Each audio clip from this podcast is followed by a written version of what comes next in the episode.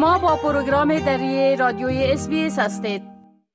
حال با جاوید روستاپور خبرنگار برنامه دری برای جنوب آسیا به تماس هستیم که اونا درباره تازه ترین رویدادها در ارتباط به افغانستان صحبت می کنند.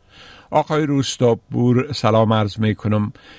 خب اولتر از همه گفتم میشه که به یک طرح رهبر طالبا در ارتباط به اصلاح به اصطلاح به اصلاح فکری جوانا. عکس های بسیار شدید نشان داده شده. بله. با سلام وقت شما بخیر آقایش که بله مولوی محمد یونس راشد معاون امور جوانان وزارت اطلاعات فرهنگ طالبان گفته که ملای رهبر این گروه طرح اصلاح فکری جوانان را تایید کرده و این طرح به زودی عمگانی می‌شد هرچند این مقام طالبان جزیاتی درباره این طرح فکری ارائه نکرد اما شماری از افغانان به این باورند که طرح اصلاح فکری جوانان جوانان طالبان در راستای گسترش افرادگرایی دینی و بنیادگرایی است و برای تحقیق این هدف ابزارهای تبلیغاتی رسانه های خود و نیروی حکومتی در اختیار طالبان است. در پیوند با این واکنش همچنان گفتند که در این چارچوب طالبان با طرح اصلاح فکری جوانان از یک در رویای تحصیل و سفید نمایی کارنامه های خونین خود و از سوی دیگر در تلاشی از بین بردن ارزش های غربی مدرن که به مانده از دوران حضور نیروهای امریکایی و کشورهای غربی در افغانستان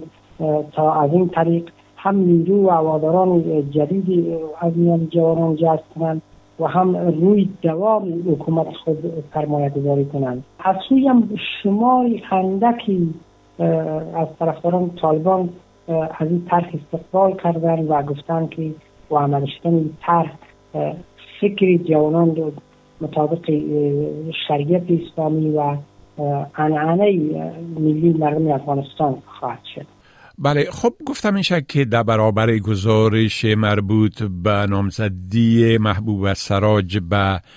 جایزه نوبل عکس های گوناگون تبارز کرده بله. مؤسسه تحقیقاتی صلح مسلوب فهرست نهایی نامزدان جایزه صلح نوبل را در وبسایت خود نشر کرده که در میان پنج تن از افرادی که برای دریافت این جایزه کاندید شدن نام محبوب سراج فعال حقوق زن و حقوق بشر از افغانستان در میان افراد است. این مؤسسه نوشته خانم سراج در بخش آموزش صحت و مبارزه با فساد و پیشگیری از خشونت های خانوادگی فعالیت داشته. اما نامزد شدن خانم سراج به این جایزه واکنش های متفاوتی را در بین افغان ها و همچنین به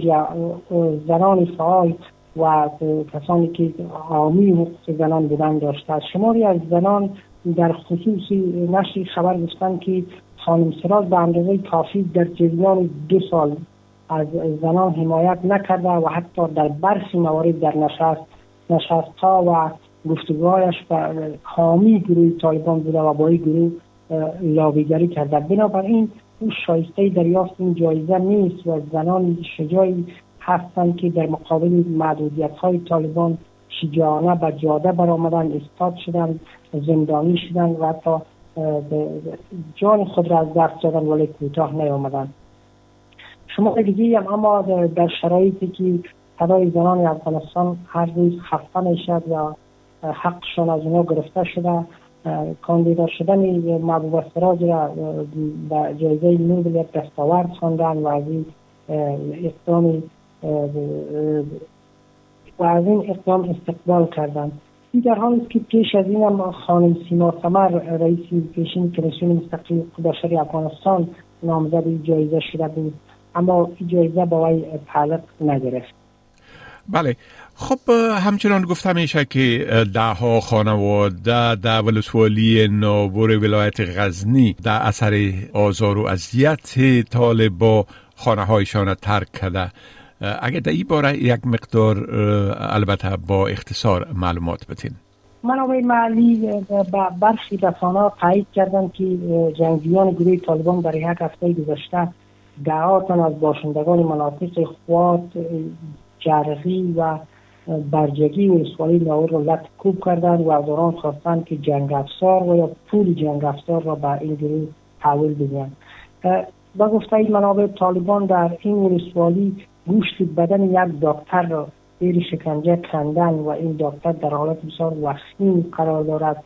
که به دلیل این شکنجه ها دعا خانواده به دلیل ترس از طالبان خانه خودشان را ترک کردن و به کوها گریختن دست کم از 20 تا 25 خانواده گفتن که در یک هفته گذشته اعضای خانوادهشان در زندان طالبان بودن و اینا مجبور شدن که معادل مجبور شدن که معادل خرید چهار میل اسلحه به گروه طالبان پولش را پرداختن. چون اسلحه نداشتن. این در حالی که پیش از این هم گزارش های وجود داشت که های معلی طالبان در مناطق دوردست افغانستان بالای مردم ظلم میکن و افراد را و از اینکه باید طلا بدین برای طالبان بازداشت می‌کنن و در نهایت در بدل طلا از خانواده ها پول دریافت می‌کنن